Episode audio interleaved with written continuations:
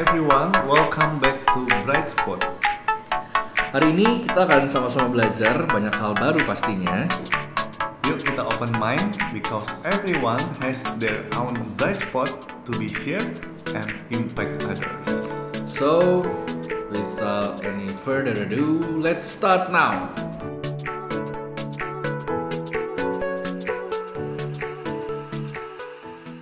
Oke, halo semuanya. Ketemu lagi beberapa hari yang lalu kita sempat podcast recording dengan Andika Diskartes. Ini adalah podcast kedua kita di masa-masa karantina. Sebenarnya gua udah dikenalin atau diceritain tentang narasumber kita hari ini udah dari tahun lalu kayaknya. Akhir tahun lalu. Cuman memang belum kesempatan. Tapi kali ini kita bakal banyak ngobrol, denger, walaupun di rumah masing-masing gitu ya Langsung aja Christopher akan kenalin temennya yang gue excited banget buat belajar, yaitu Adi Saputra. Ayo, perkenalin. Oke, gue kenal Adi ini kurang lebih hampir satu setengah tahun lalu kali ya. Kalau gue nggak salah, satu setengah sampai dua tahun lah. Dan gue kenal keluarganya, kenal anak-anaknya, kenal mertuanya juga bahkan. Karena kita kebetulan kenal di sebuah acara doa dan kita uh, satu komunitas sampai sekarang. Yang menarik ada banyak hal yang menarik banget dari kehidupan seorang Adi. Tetapi kalau mau tanya detailnya, mungkin gue nggak mau kenalin dia langsung kali ya. Biar Adinya sendiri yang memperkenalkan diri. Oke, Adi silahkan sapa nih pendengar Halo, kita. para pendengar. so, Ted, thank you banget gue dan Christopher udah udah ngundang gue di acara podcast ini. So just uh, sedikit latar belakang gua. Gua nama gua Adi Saputra, gua lahir di Jakarta dan uh, gua sebenarnya uh, besar di Jakarta, tapi bisa dibilang hampir separuh hidup gua itu gua tinggal di luar negeri alias merantau. Jadi gua 11 tahun itu gue tinggal uh, di ada di New Zealand, sempat di Jerman dan juga di UK. Hmm. Jadi dari dari situ 11 tahun itu sebenarnya gue uh, tinggal sendiri, gue harus sekolah, kuliah, kerja. Jadi uh, eh, gue banyak belajar untuk survive sih, basically survive menghadapi banyak uh, apa ya uh, harus beradaptasi lah dengan kondisi yang setiap kali gue pergi itu setiap tahun saya bilang tuh berbeda-beda gitu dan gue di situ juga bisa tergolong minoritas karena ya uh, gue satu-satu orang Indonesia di situ seringannya dan banyaknya itu uh, orang lokal. Jadi challenge-nya itu banyak. Salah satunya mesti mesti beradaptasi lah dengan dengan keadaan di saat itu. So mungkin uh, langsung loncat uh, gue itu bisa dibilang gue uh, tipenya orang yang analytical ya. Jadi gue sebenarnya tipenya itu technical banget. Jadi mungkin seperti orang-orang yang pada umumnya orang yang sangat technical itu dia mungkin uh, bukan tipe orang yang senang yang pinter bergaul lah. Maksudnya bukan yang senang ke acara social life dan so on. Bukan tipe yang um, punya banyak koneksi tapi uh, gua sekarang bisa berprofesi sebagai entrepreneur. Di mana dulu, dulu nah sampai situ dulu. Itu dulu. Sabar sabar. Uh, jadi memang uh, ketika pertama kali kenal si Adi ini memang orangnya tuh analytical banget. Jadi bahkan ketika hari ini nih gue invite untuk ngisi acara di Bright Spot jadi narasumber uh, kelihatannya dia agak grogi. Karena menurut dia ini baru pertama kalinya dia diundang untuk acara seperti ini. Dan memang aslinya orangnya tuh pendiam. Beda sama Go sama gue mungkin yang diem kalau tidur sama doang. lu doang kali. Nah jadi uh, hari ini tuh agak agak berbeda karena biasanya kita kan invite uh, kayak kemarin ngomongin financial. Hari ini kita balik ke entrepreneur nih. Dan Adi ini termasuk salah satu entrepreneur muda yang gue kenal di sekitar gue. bisnisnya itu adalah bisnis yang gimana ya? Kosmetik laki-laki. Ayo. Jarang. Jadi orang biasanya ngomongin kosmetik itu ketika kita ngomongin kosmetik identiknya tuh dengan wanita. Tetapi Adi ini bisnisnya bergerak di bidang kosmetik pria. Dan gua salah satu penggunanya. Jadi nanti uh, gua akan posting screenshot ini nih setting kita di layar. Nanti gua akan posting di Instagram gua dan gua akan ceritakan bagian mana dari kosmetik pria itu yang gue pakai saat ini. Biar penasaran. Nah, bisnisnya seperti Iya, bisnisnya seperti apa? Nanti kita akan bahas tentunya. Kalau yang tadi Adi udah sempat mention kan pertama kali adalah tentang uh, latar belakang. Latar belakang. Tapi latar belakang tadi menceritakan baru sampai tahap kuliah. Benar, benar. Ya benar ya dia. Nah, kuliahnya itu di luar negeri. Tetapi yang mau kita uh, tonjolkan hari ini setelah masa kuliah itu apa? Karirnya. Karena sebelum entrepreneurship dimulai, Adi juga sempat uh, as a professional berkarir di salah satu perusahaan audit atau finance ya. Ini ini ini ini biar Adi sendiri yang cerita deh. Gimana dulu? Pertama kali ketika datang ke Jakarta setelah lama di luar negeri, kerjanya apa di? Jadi saat gue balik ke Indo itu gue mulai karir gue di salah satu perusahaan auditor Big Four. Uh, cuman gue bukan di auditnya, tapi gue di advisory. Lebih tepatnya di corporate valuation. Ini kalau teman-teman gue yang di luar kantor dulu, kalau gue jelasin kerjaan gue nggak ada yang ngerti. Jadi cukup sulit untuk jelaskan. Cuman intinya gue gue bekerja untuk untuk sebagai advisor dari dari company-company uh, yang membutuhkan jasa valuation. Kalau dia mau menjual saham, dia mau ada investasi, dia harus uh, nilainya berapa sih yang nilai yang wajarnya gitu. Nah itu dulu tugas kita untuk menghitung dan dengan basis yang akurat gitu. Nah, uh, cuman yang yang uh, salah satu hal yang paling uh, apa ya, yang paling menurut gua uh, challenging itu adalah the pressure, time pressure. Jadi pekerjaannya itu benar-benar deadline, jadi project based dan uh, kita benar-benar satu orang bisa handle multiple project. So the deadline-nya itu benar-benar tight ya. Jadi mengharuskan kita itu untuk lembur ya. Jadi lembur itu bisa sampai jam, wah bisa nggak pulang, tidur cuma setengah jam, lanjut lagi sampai besoknya gitu. Satu minggu juga tetap kalau memang diharuskan gitu ya. Cuman uh, eh, gue nggak menjalankan pekerjaan itu. Pekerjaan itu benar-benar uh, mengembang uh, membantu gue untuk berkembang gitu. Terutama di sisi teknikalnya kalau untuk gue dan dan itu juga melatih gue gimana untuk uh, handle project dengan deadline-deadline yang yang uh, ketat. Dan juga memenuhi permintaan-permintaan si klien itu. Kalau misalkan kita mau bikin IPO berarti bisa invite Adi nih buat bantu-bantu valuasi ya. Ini menarik nih karena oh, relate okay. dengan banyak pendengar kita juga yang memang mungkin backgroundnya awalnya profesional, tapi kalau ngomong teknikal kan jadi ngerti analisa ya, dan jadi banyak yeah. ketakutan dalam tanda kutip kalau seandainya mau mulai satu bisnis mau mulai satu entrepreneurship perjalanan yang totally different dengan karir lu bro. Apa sih yang menyebabkan yes. lu memberanikan diri atau kecemplung atau bisa totally lompat dari profesional karir ke bisnis sendiri? So di saat itu gue lagi masih berkarir profesional ya. Dan uh, ya setelah beberapa tahun sih gue ngerasa uh, ada gejolak gitu bahwa kok kayaknya yang gue lakukan ini gue ingin lebih bisa in, memberikan impact kepada banyak orang gitu. Jadi gue pingin nih kerja keras gue yang benar-benar harus lembur mati-matian itu tuh bisa memberikan impact ke uh, masyarakat yang lebih luas. Dibanding kalau dulu pekerjaan gue itu uh, lebih impactnya kepada uh, certain people lah. Jadi nggak nggak luas gitu. Jadi gue merasa kayaknya gue pingin nih gitu bisa switch ke entrepreneurship di mana gue bisa uh, memakai bakat gue dan semua kerja keras gue untuk banyak orang. Jadi kalau dipikir-pikir penyebabnya uh, pengen punya impact ya, ya bro ya. Pengen punya impact yang lebih luas daripada uh, sekedar menurut lu bekerja di tempat yang dulu.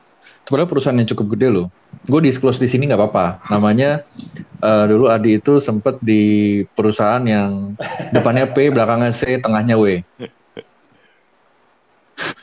itu termasuk big yes. company yes. untuk masalah advisory, audit dan itu tuh perusahaan yang kasar kata orang kalau bisa masuk di yeah. situ tuh bangganya udah bukan main loh di.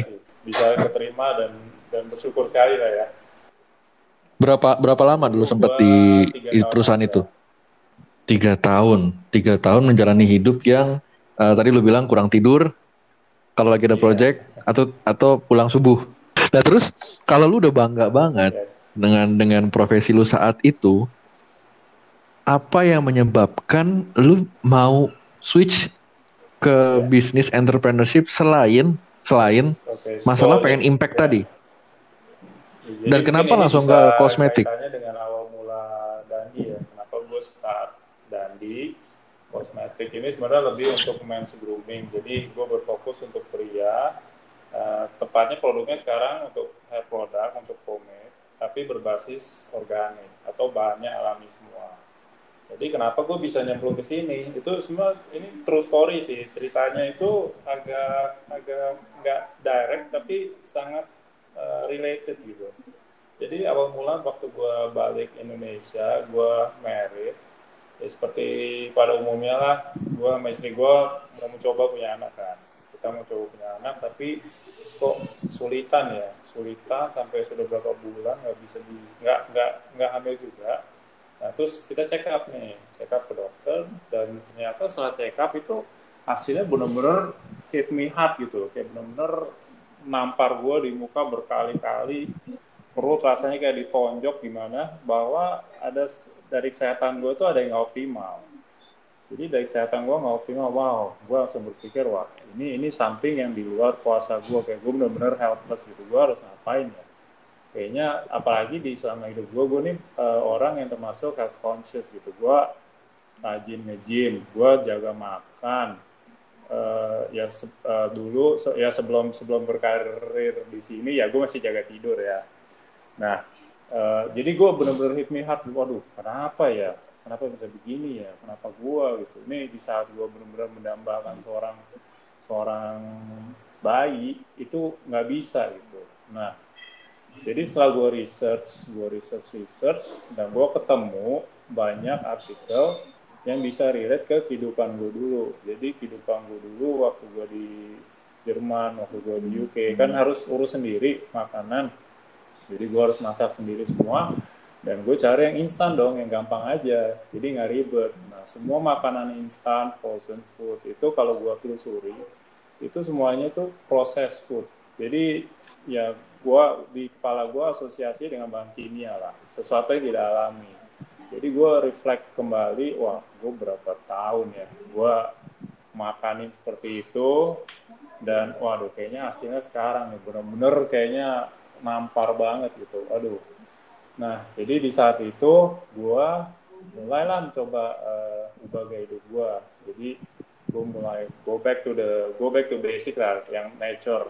Jadi yang semuanya natural, makanan, uh, jus, semuanya gue makan. Walaupun sesuatu yang natural itu lebih susah preparationnya. Jadi preparationnya butuh waktu yang lebih banyak kan dibanding yang instan. Kalau misalkan instan udah jadi, bisa tinggal campur air jadi. Tapi kalau natural lu harus harus potong sendiri memproses semua sendiri. Juga dia nggak bisa tahan lama kan. Kalau sesuatu yang instan itu dia bisa tahan ya uh, mungkin bisa satu tahun gitu kalau di dalam packingnya. Nah gue coba mengubah hidup gue dan hasil wah berhasil. Uh, jadi istri gue hamil dan kita sekarang punya anak udah lebih dari satu gitu. Jadi wow jadi wow oke. Okay. jadi oke okay, wow. bener ya yang yang gue research dan perubahan hidup gue uh, mengkonsumsi semuanya yang alami. Oke, okay, wah. Dan di saat itu bersamaan di gua, waktu di PwC, gue merasa gue pengen memberi impact yang lebih nih. wah gue kaitin situ oke mungkin ada sesuatu yang bisa gue lakukan apa ya kalau untuk masalah gue kan kaitannya dengan makanan kalau gue membuat sesuatu makanan yang praktis tapi natural wah gue nggak bisa masak gue cuma demen makan nih gue nggak demen nyiapin nyiapinya waduh apa ya? Terus ya udah gue google dong research, research apa sih yang bisa dibuat dari bahan alami. Dan muncullah di situ pomade. Natural pomade. Wah oke. Okay. Oke. gue baca-baca dan gue gue sendiri pribadi gue tuh dari dulu sebenarnya seneng ber ber ngutik-ngutik rambut gue lah jadi gue tuh udah dari SD tuh udah pakai gel sebenarnya sih. Kalau teman-teman gue itu kayaknya nggak ada deh. Yang zaman dulu tahun 90-an udah pakai gel SD SMP tuh jarang banget gitu. Jadi gue memang dari dulu udah seneng seneng yang ngotak-ngotak rambut lah. Rambut gue nggak nggak jarang banget tuh nggak pakai apa-apa gitu. Kayak nggak uh, selalu kelihatan terurus lah. Wah jadi gue pikir pas banget dong. Ya udah nah mulailah gue uh, melakukan R&D sendiri karena gue memang orangnya technical analisis banget jadi ini pas banget buat gue saat itu jadi gue ngerjain R&D sendiri satu setengah tahun akhirnya gue up dengan produk pomade dan clay yang berbasis 100% alami. Oh, oke. Okay. Go. Ini menarik loh. Maksudnya uh, dari PwC, lu riset si Adi ini riset satu setengah tahun. Benar, benar. Ya benar ya dia. Satu setengah tahun untuk untuk dapetin sebuah formula uh, pomade yang alami. Gue udah pakai nih. Gue udah pakai beberapa bulan. Gue udah pakai produknya uh, si Adi ini nama brandnya adalah Dandi. Kalau di Tokopedia itu udah ribuan yang kejual. D U N D E E. Dandi Pomade. Nah ini uh, produk yang menggantikan produk existing yang biasa gue pakai. Kenapa? Gue uh, gue bukan orang yang rajin pakai gel gue lebih lebih demen sebenarnya uh, alami-alami aja. Kenapa? Karena pikiran gue sama. Kalau gue pakai barang-barang yang kimia kayak ya minyak rambut gue yang lama, gue takutnya dalam jangka panjang itu berpengaruh entah gue jadi cepet ubanan atau apa gitu. Gue mikirnya gitu.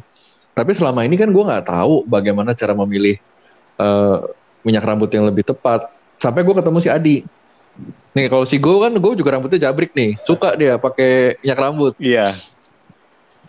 Nah, yang menarik adalah ini natural. Tapi gue nggak nyangka sih, gue nggak nyangka pemikiran dari Adi ini yang menyangkut tadi masalah pengen punya anak itu nyambungnya bisa ke sini loh. Jadi sebuah produk dari benar-benar suatu connecting dots antara pengen jadi impact dengan life story si Adi sendiri ya inspiring banget sih ini ceritanya. Yeah. Tapi bro, gue penasaran nih. Kadang kan juga banyak teman-teman kita seumuran kita pengen memulai bisnis dan sekarang kan udah trennya ke online ya. Uh, ada yes. tips nggak dalam sisi penentuan harga online dan offline kan pasti berbeda. Contoh yeah. misalkan kalau seandainya kita titip di barbershop atau apa hmm. dan lain-lain dengan uh, online kan pasti ada ongkir, delivery fee dan lain-lain yes. gitu. Awal-awal gimana sih strategi lu dalam penentuan harga itu sendiri, Bro? Kalau dari penentuan harga online ya kita bicara online, eh, kita harus lihat juga sih produk-produk lain dijualnya kisaran di harga berapa. Sebenarnya kalau untuk spesifik produk gua, eh, karena di pasar ini kan nggak ada ya, ya maksudnya eh, banyak kan ya ya the the uh, pomade alami itu belum belum nonjol lah. Jadi gue mau nggak mau mesti ngebandingin harga dengan yang bukan alami. Jadi kalau sebenarnya kalau menurut gue bahan alami itu costnya udah lebih tinggi.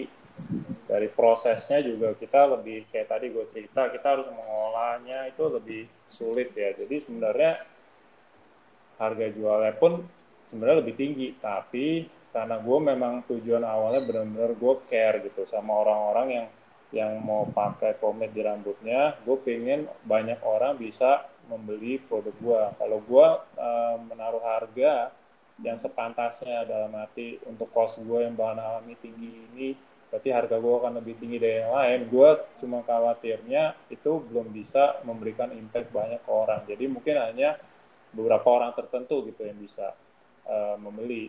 Jadi di saat itu gue memposisikan harga gue itu bisa dibilang di mid mid upper range. Jadi gue melihat kompetisi gue produk-produk yang sudah ada dan gue memposisikan oke okay lah gue nggak mau terlalu mahal tapi ya masih oke okay lah jangan orang-orang bisa bisa afford bisa mampu untuk beli. Nah gue taruh di situ harganya. Kalau untuk offline uh, paling tipsnya kalau gue selalu mikirnya uh, ya uh, tadi kan si gue bilang kan bilang ada ada ongkir ya. Ya paling bisa ditaruh offline uh, minimum price-nya udah pasti harus sama dengan yang kita online lah Cuman kalau mau ditambah uh, lebih tinggi lagi, paling enggak ya tambahannya ya ongkir itu aja gitu. Jadi misalkan orang dari Jakarta dia mau beli offline ya paling harganya kalau menurut gua mentok-mentoknya ya tambahin harga ongkir aja gitu. Itu yang yang make sense sih. Tapi kalau offline sih kembali tergantung kepada masing-masing toko ya yang menjual itu atau barbershop itu gitu.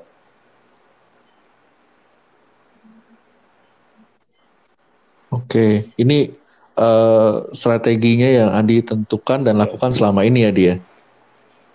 Di Tokopedia sendiri udah berapa tahun Tokopedia jualan? Tokopedia mulai dari 2000 mulai di sana 2000 kalau nggak salah 17 17 eh 2016 akhir ya atau 17 sekitar gitu sih. Wow, ini uh, kalau gue lihat kalau gue buka produknya di di Tokopedia nih, itu udah hampir ribuan loh dikejual. Iya benar. Bener ya dia? Gue juga kaget. Canggih loh. Gue nggak nggak nggak nyangka dalam tiga tahun itu ribuan. Berarti sebenarnya di luar sana itu banyak uh, pria yang sebetulnya juga memperhatikan kosmetiknya ya dalam yes, hal banyak, rambut. Banyak banget. Nah kalau kalau dalam produk and research-nya ini nih, R&D produk Dandi, dalam perjalanan waktunya, kan review banyak tuh di Tokopedia atau di online marketplace lainnya. Pernah nggak ada orang-orang yang kasih komentar, kritik, misalkan nih pomade-nya terlalu lembek hmm. atau kena keringet jadi bau misalnya. Dan mereka kritik dan saran mereka itu menjadi lu jadikan sebagai bahan upgrade dan di lu lagi. Ada ada nggak? ada banget.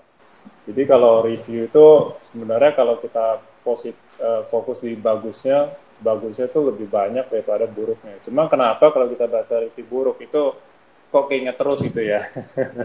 Jadi jadi kalau spesifik pertanyaan lu uh, ada. Jadi sebenarnya di awal-awal itu juga ada review ya yang uh, bisa dibilang itu membangun gua uh, untuk melakukan R&D untuk the next product gitu loh. Gua mau bikin seperti apa dan tetap mempertahankan basisnya bahan alami. Jadi ada banget sebenarnya tergantung gimana kita melihat review tersebut sih. Kalau lu anggap ini relevan dan memang ya itu adalah consumer goods ya. Jadi consumer benar-benar penting gitu loh opininya. Jadi kalau lu bisa ubah, ya lu lakukan aja. Kalau lu bilang ada saran atau masukan yang membuat lu pikiran, apa yang saran seperti apa yang bikin lu paling kepikiran banget? Saran sarannya ya, yang banget banget itu gue ingat pertama itu adalah bahwa uh, ini bahan alami. Jadi dia beda dengan uh, produk yang udah ada di pasar. Jadi dia itu teksturnya padat yang yang produk gue sekarang. Jadi ada yang bilang kok ini teksturnya padat ya. Padahal sebenarnya ada cara makainya aja. Sebenarnya hanya masalah eh, kebiasaan aja gitu. Karena kita udah biasa kalau pakai gel kan lunak ya. Jadi begitu ketemu teksturnya padat, aduh ini gimana ya? Nah jadi di saat itu sebenarnya my first step is to ternyata gue belum mengedukasi mereka bagaimana cara cara makainya nih, gimana cara uh, ngambilnya jadi gue langsung gue bikin video jelas semua gitu jadi semua orang yang belum beli mereka udah lihat oke okay, mereka tahu begini caranya dan untuk untuk pengembangan berikutnya ya gue gue uh, gimana ya puter otak ya gimana caranya bisa berbasis alami tapi bisa uh, solve this uh, issue gitu. It's not an issue sebenarnya, cuman akan lebih banyak, akan lebih memudahkan orang lah. Oke, gue penasaran kalau kayak Dandi ini, lu memilih fokus di satu produk atau ke depannya atau sekarang sudah berjalan pengembangan ke banyak produk lainnya, bro? So sekarang ini gue masih fokusnya di hair product, cuman uh, tentu aja nggak menutup kemungkinan untuk yang lain-lainnya. Selama gue bisa bikin itu dari bahan alami, selama uh, pasti produk bahan alami ini gue udah baca banyak reviewnya dari customer itu benar-benar terbukti gitu loh. Mereka yang punya masalah ketombe, bahkan uban, rontok, uh, kulit kepala gatel-gatel, kepalanya pusing, itu semua nggak dia alami saat pakai dandi jadi gue bener-bener wah berarti ini bahan alami semua usaha jadi payah gue tuh memang memberikan impact nah jadi ya gue nggak menutup kemungkinan bisa produk lain selama itu berbahan alami dan gue yakin karena berbahan alami pasti itu akan memberikan uh, benefit atau manfaat tambahan gitu loh ke orangnya value personal jadi sangat berarti sekali juga untuk pengembangan perusahaan ya. Bagus banget ini. Benar-benar. Jadi, ya. Gue sempat searching di YouTube, di ternyata banyak juga orang-orang yang review produk lu ya. Iya iya. iya loh. Ini uh, masalah natural, masalah sehat itu emang jadi concern yeah. sih di sekarang ya, apalagi masa-masa pandemik kayak sekarang ini sesuatu yang natural tuh seems like lebih eksklusif, lebih mahal dan gua akuin sih kalau misalnya kita makan di mall yang udah tiga bulan tidak gua kunjungi itu makanan sehat di mall itu menjadi diferensiasi sih. Di antara market food market kalau makan ngomongin makanan kan yang serba instan serba serba apa namanya proses food. Sedangkan yang natural itu biasanya malah lebih mahal. Gua gua akuin sih tapi I think it's worth untuk masa depan sesuatu yang alami sesuatu yang sehat memang memang worth untuk masa depan. Karena kalau misalkan kita pakai bertahun-tahun secara rutin produk yang sifatnya kimia takutnya malah berbahaya.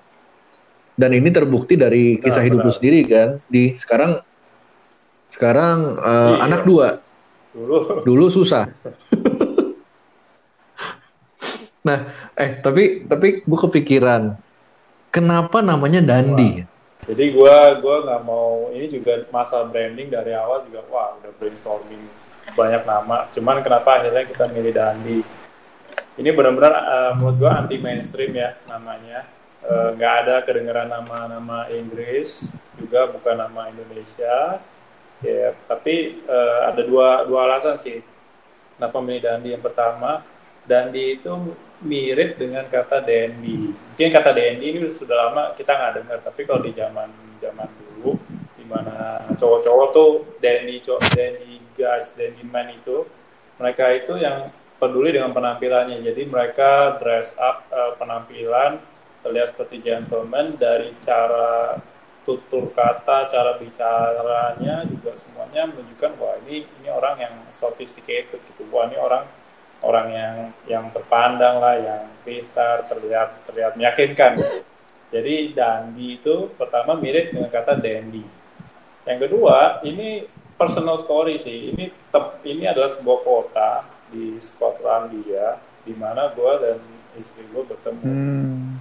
So, Puji. ya udahlah daripada pusing-pusing ini nama kan anti mainstream ya. Ini produk ini juga natural, nggak nggak ada di tempat lain ya udahlah gue pilih ini aja gitu. ini mengejutkan sih. Gue gak nyangka lu se dalam tanda kutip ya sentimental itu loh. Ternyata tempat pertemu pertama kali dengan istri kesayangan itu di kota itu dan itu lu jadikan nama kota tersebut menjadi nama produk lu. Dalam ya. Iya.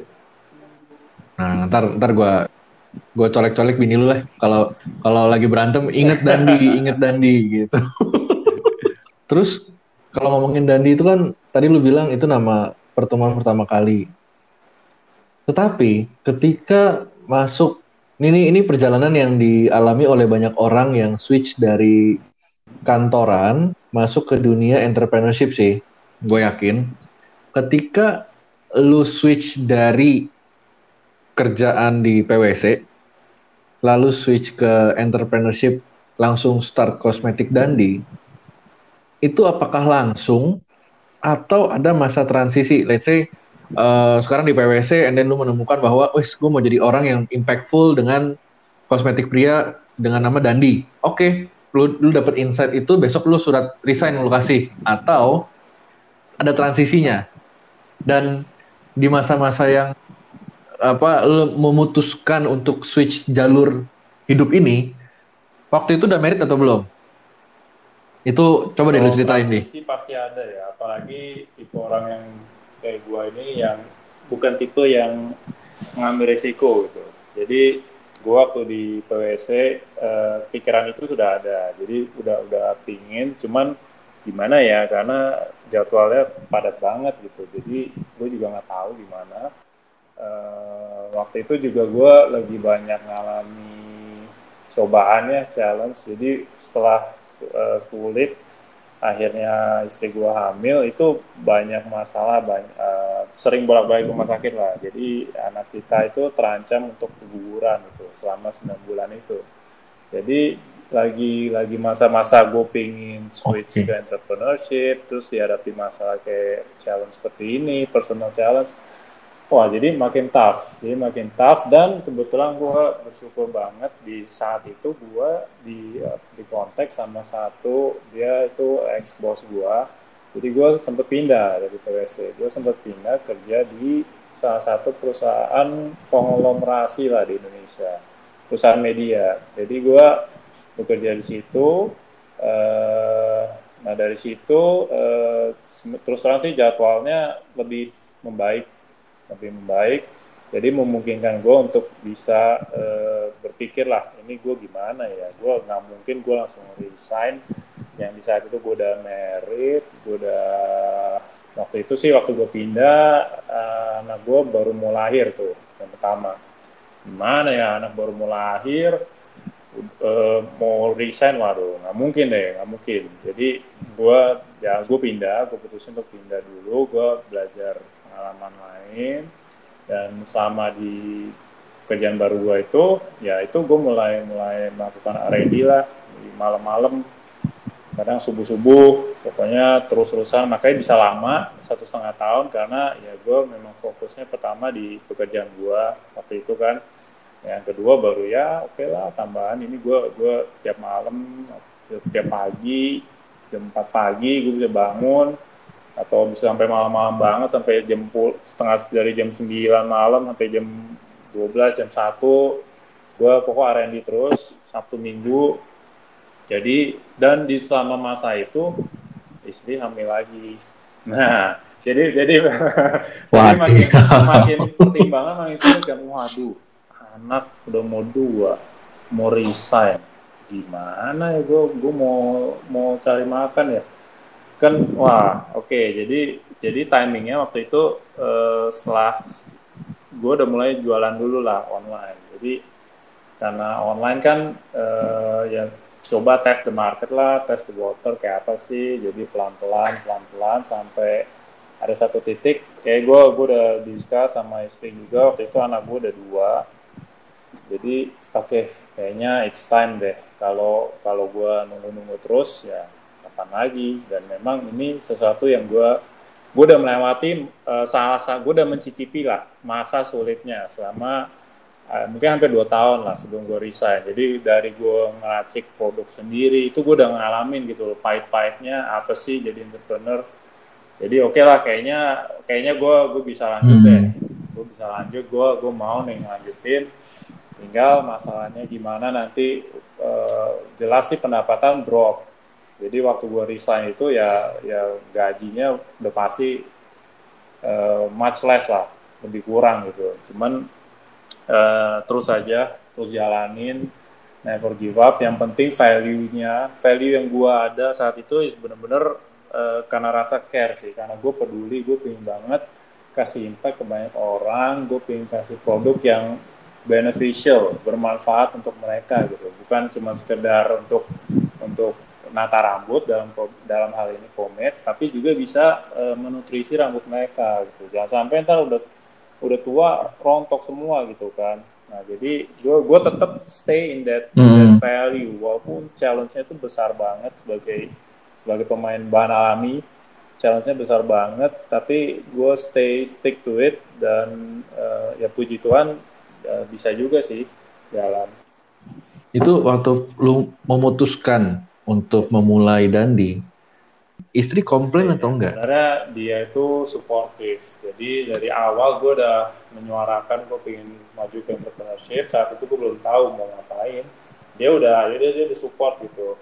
Cuman uh, waktu gue bilang, oke okay, kayaknya gue mau melakukan ini nih, dia sih nggak nggak komplain, nggak komplain. Dia dia support sih, sebenarnya support banget karena di masa-masa itu bisa dibilang gue secara secara pikiran gue tuh nggak ada di keluarga gue gitu loh. Jadi walaupun fisik gue di situ gue tuh kayak nggak ada. Kayak anggap aja kayak gue nggak ada. Karena pikiran gue otak gue tuh bisa melayang ke aduh gimana nih ya form, ke formulasi pomade gue nih masih belum beres apa yang perlu gue lakukan ya. dan, dan dari waktu juga kan habis.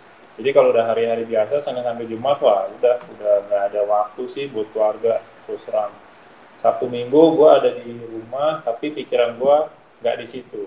Jadi gue nggak nggak engage sama keluarga gue pikiran gue benar-benar di di bisnis gitu. Gimana nih bikin produk? Ini bisnis saya belum mulai udah kayak gini gitu.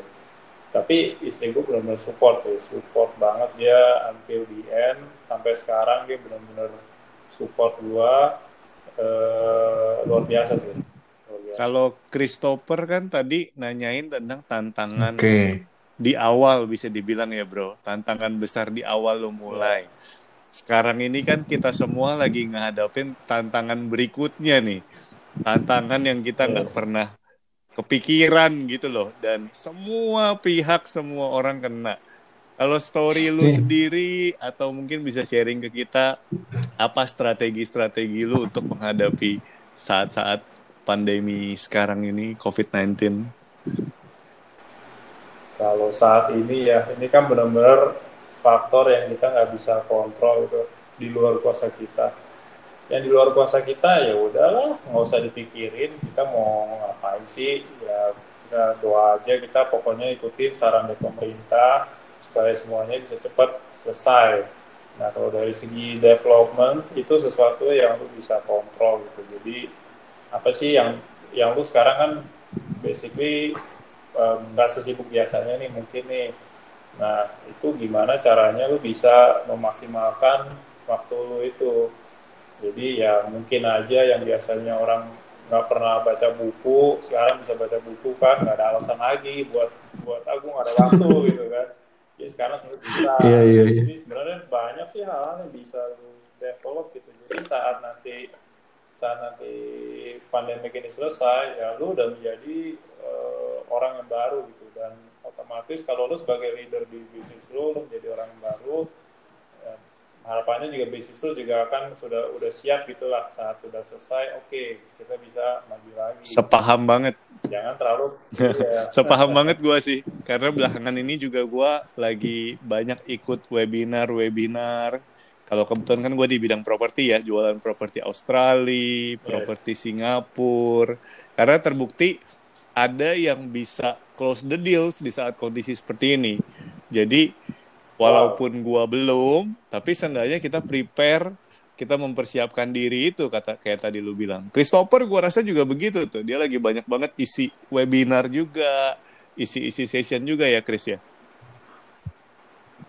Iya, soalnya uh, ya gue gue punya belief gini di kondisi susah begini, uh, kita kan dipaksa dalam tanda kutip ya, dipaksa untuk menjalani rutinitas yang baru nih. Kita stay di rumah doang, atau kita nggak boleh jalan-jalan for the sake of others. Nah, di masa-masa begini tuh gue punya belief sepaham dengan yang tadi Adi katakan.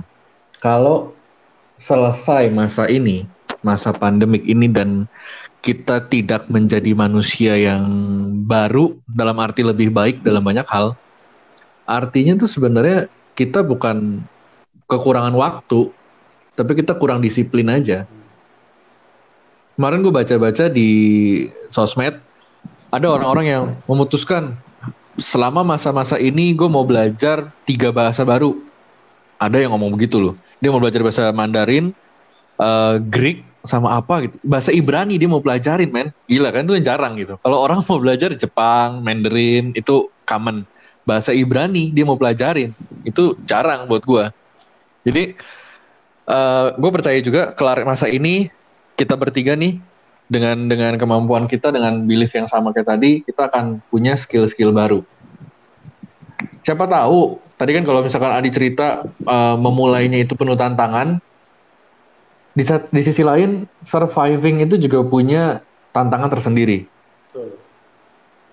Siapa tahu ketika masa ini selesai, Dandi punya produk baru, produk lain baru. Kalau tadi itu ngomongin kosmetik di rambut, siapa tahu abis ini kosmetik di skincare who knows? Ya kita kan nggak tahu ya. Gue nggak tahu rahasia dapurnya Adi nih. Adi kan belum bisa cerita juga pasti. Cuma uh, eh, gue percaya itu sih. Yes. Go nggak berasa itu udah 30 40 menit kita ngobrol-ngobrol and it's really inspiring gua nggak nyangka secara pribadi sedalam ini value-nya dan lain-lain gitu. Abis ini gue boleh konsultasi pribadi ya bro. Mau tanya nih pakai pomade apa yang cocok buat rambut gue. Boleh dong, boleh. Bisa follow di IG apa boleh. nih untuk mungkin lo bisa promote. IG. Instagramnya da Dandi Natural. Jadi nyambung D U N D E E Natural. Kalau di Tokopedia? Di Tokopedia bisa aja ketik Dandi, di situ bisa lihat pokok produk yang paling banyak terjual. Nah itulah toko gua gitu. karena karena Asik. ada, ada produk yang paling banyak. maksudnya untuk untuk kalau ketik Dandi ya kan keluar Dandi semua. Nah pilih aja tokonya hmm. Dandi, nah gitu aja deh. Oke, nanti kita juga taruh di yes. description ya, Go ya, linknya atau wordingnya biar nggak nyasar ke Dandi yang lain. Takutnya ada Dandi-dandian KW mencoba mengikuti Adi. Kita akan taruh linknya di description. Jadi orang-orang yang ingin punya rambut yang sama sehatnya seperti kita kita saat ini bisa langsung ambil produknya di link tersebut. Anyway, sebelum menutup pembicaraan kita sore hari ini, gue mau bilang bahwa walaupun kita virtual meeting, gue yakin lah, kayak gue nih sekarang, baju rapi tapi celana pendek. Ya, gue gue yakin kita tetap bisa berpenampilan dengan baik di depan kamera. Siapa tahu ntar jadi youtuber, siapa tahu ntar jadi anything else new profession yang kita bisa start. Dan gue percaya karena jejak digital itu nggak pernah bohong, nggak pernah hilang, kita mesti tetap jaga standar rapinya kita. Makanya kenapa sekarang gue, walaupun kita rekaman itu suara doang yang direkam, ini gue pakai pomade loh, gue pakai dandi loh sekarang. Wow.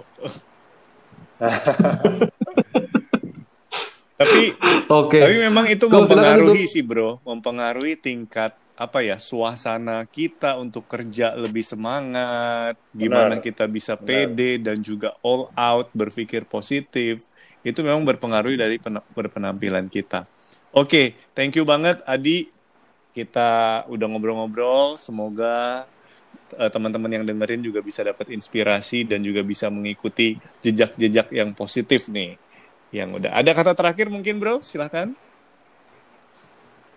Kata terakhir. Kata-kata terakhir di, iya. di, di, di podcast ini. Jangan salah ngomong. So kata terakhir ya mungkin yang bisa gue gue tadi mau bilang kalau misalkan kalian ada yang mau jadi entrepreneur kalau dulu itu uh, dulu atau mungkin sampai sekarang ya banyak yang berpendapat bahwa yang bisa itu cuman yang oke okay, yang pinter uh, mingle lah pinter bersosialisasi yang punya koneksi banyak dan gue dulu juga menghadapi challenge-challenge itu gitu. Karena gue orangnya yang tidak seperti itu gue sangat teknikal uh, gue banyak menghadapi challenge seperti itu dan tapi terbukti bahwa itu tidak benar gitu. Jadi untuk kalian yang, yang merasa ah gue kayaknya nggak pinter ngomong sama orang ah gue kayak nggak bisa tampil. Eh, jadi kalian pasti punya kelebihan yang lain gitu. Tinggal kalian explore aja mau ngerjain apa dan yang penting sih kalau buat entrepreneurship dari gue adalah value-nya kenapa kalian mau melakukan itu karena perjalanannya benar-benar wow uh, luar biasa uh, either you fail so bad miserably or you become a much better person gitu loh. Jadi cuman outcome-nya dua itu. Yang penting kalian punya value-nya karena dengan value itu adalah uh, anggap aja sebagai bahan bakarnya gitu untuk terus maju. Itu aja sih. Oke, okay, thank you.